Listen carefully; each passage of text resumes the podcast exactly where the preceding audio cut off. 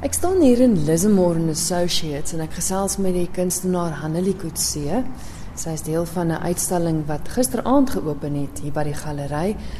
Ek is omring deur jou werk. Twee tipes werk. Die een deel is gemaak op deure en die ander sweef letterlik hier in die galery rond. Kom ons kyk gou eers na die na die deure. Nee, kom ons begin eers by die titel.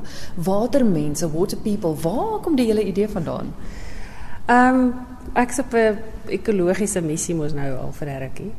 En ehm um, ek het besluit ek wil my fokus op die Johannesburgse spruite net sit vir die volgende paar jaar. So dis 'n langtermyn kommitment. Dit is nou nie net vir die exhibition. Dit is die eerste exhibition met daai tema, maar die watermense is mense wat ek ontmoet terwyl ek op die spruite heen en weer loop, mense ontmoet die die netwerk wat aangaan op die spruite uitfigure.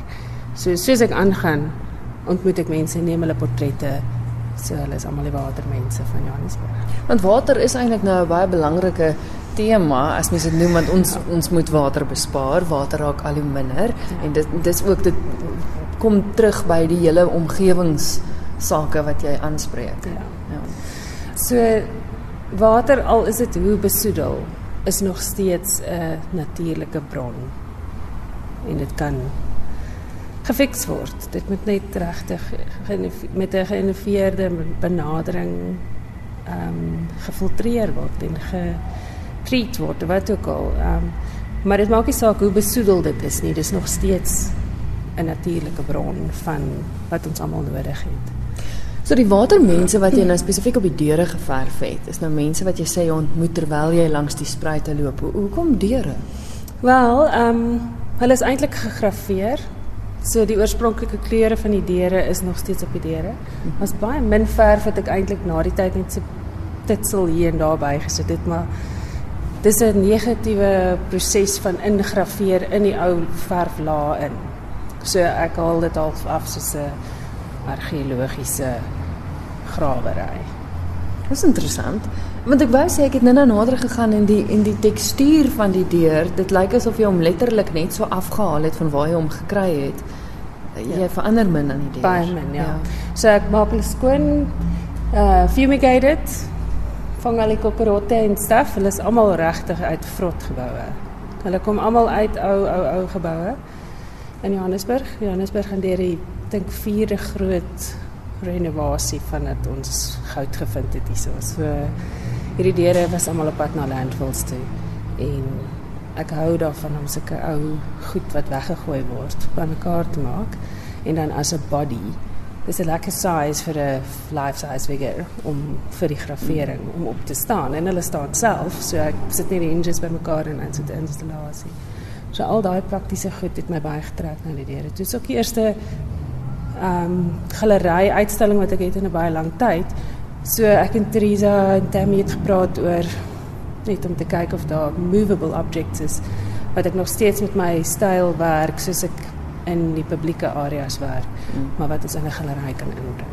Dis oorwegend hout deure, maar tog soos jy inkom is dit ook glasdeure wat jy gebruik het en heel voor ook teen die galery se se vensters het jy ook van die watermense ja geteken. So wat gebeur het met um, die proses? Omdat ek nie uh, baie established is as 'n galery kunstenaar nie, het Lismos my baie advies gegee hoe om dit voor te berei. En hulle het vir my gesê met die stencils oorspronklik wou ek dit net in die venster sit en hulle het gesê ons moet iets raam. Goed. En ek het gesê laat ek eers kyk of ek kan ou glasrame kry, deurrame om dit in te sit dan pas dit heeltemal in die tema anders het jy nou hierdie bokse of you know perspex beautiful frames wat nie in die tema aanpas nie het ek daar in die basement van my gebou gekry. So ek hou van grawe. Jy sê dis nou dis nou stencils. dis stencils. So met die proses ek neem die persoon af. Mm -hmm. Dan ontwerp ek 'n embroidery bordierpatroon in 'n in software van die foto af. Mm -hmm. Die bordierpatroon word dan op skaal uitgedruk en dan ge muurpapier gom op die actual deur en dan graveer ek deur die papier in die deur in dan haal ek die papier af. Ek kan nie teken nie, so ek moet dit opmaak somehow. dan haal ek die papier af. en dan is die ehm um, die groefies wat op die deur is los dan nou gleuwe in die in die papier wat vir my 'n stensel gee. So die stensel word gemaak in die proses van die gravering en dan vat ek daai stensel en maak die papierwyswerke met spraypaint deur die stensel. Ja, want dit is dis die ander deel van die wat van gepraat het, is letterlik die mense wat hier rond sweef.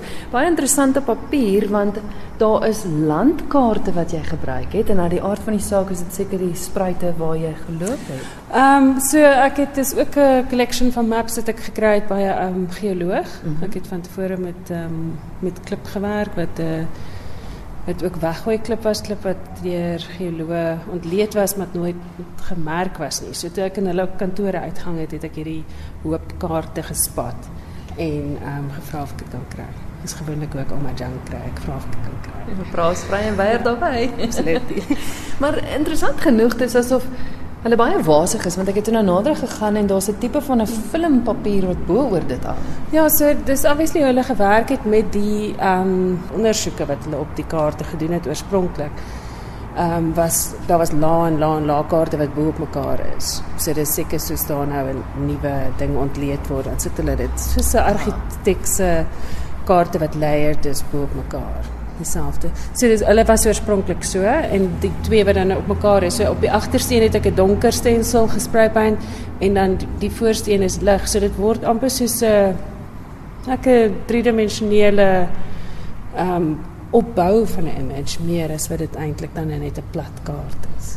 Dit is interessant die tegniek wat jy nou verduidelik het want toe ek aanvanklik daarna kyk, dit pas so in by die tema watermense want ek het aanvanklik gedog met 'n tipe van 'n waterverf, vloeibare o, verf wat jy dit gedoen het.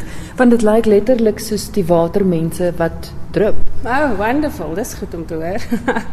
Dit was nie intentional nie. dit het baie goed uitgewerk. Is jy planne nou vorentoe? Dis iets waar waar jy nou nog gaan werk?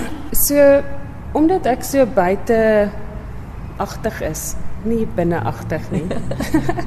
het ek besluit ek wil ehm um, die aktivering van die waternetwerk anders probeer doen. Mm -hmm. En ehm um, ek het elke Saterdag 'n uh, walkabout wat ek gaan na die plekke toe waar ek hierdie mense ontmoet het.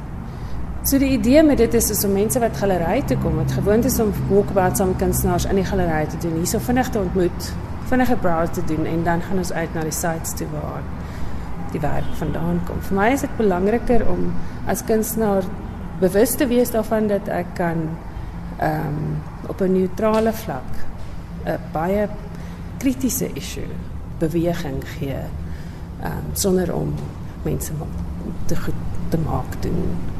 Dis vir my 'n baie belangrike ding om hierso te wees en dit te doen. So belangriker as die kunswerke vir my is om bewustheid van water in Johannesburg beweging te gee deur die uitstalling. Dit is interessant so jy ontmoet die mense hier en die mense wat hier is in die plekke waar hulle is, jy vat hulle dan soontoe. Ja. So ons het die hele Junie 'n program en elke Saterdag gaan ons uit en gaan explore. Hooplik kom ons in 'n paar watertunnels uit en gumboots. Ons sien hoe ver ons dit kan ontwikkel. En dalk loop hulle van die mense raak. Ja, dit sal gaan wees en dan met van die mense is baie proaktief, so ons gaan saam met hulle uit wat gegraveer is op die deure.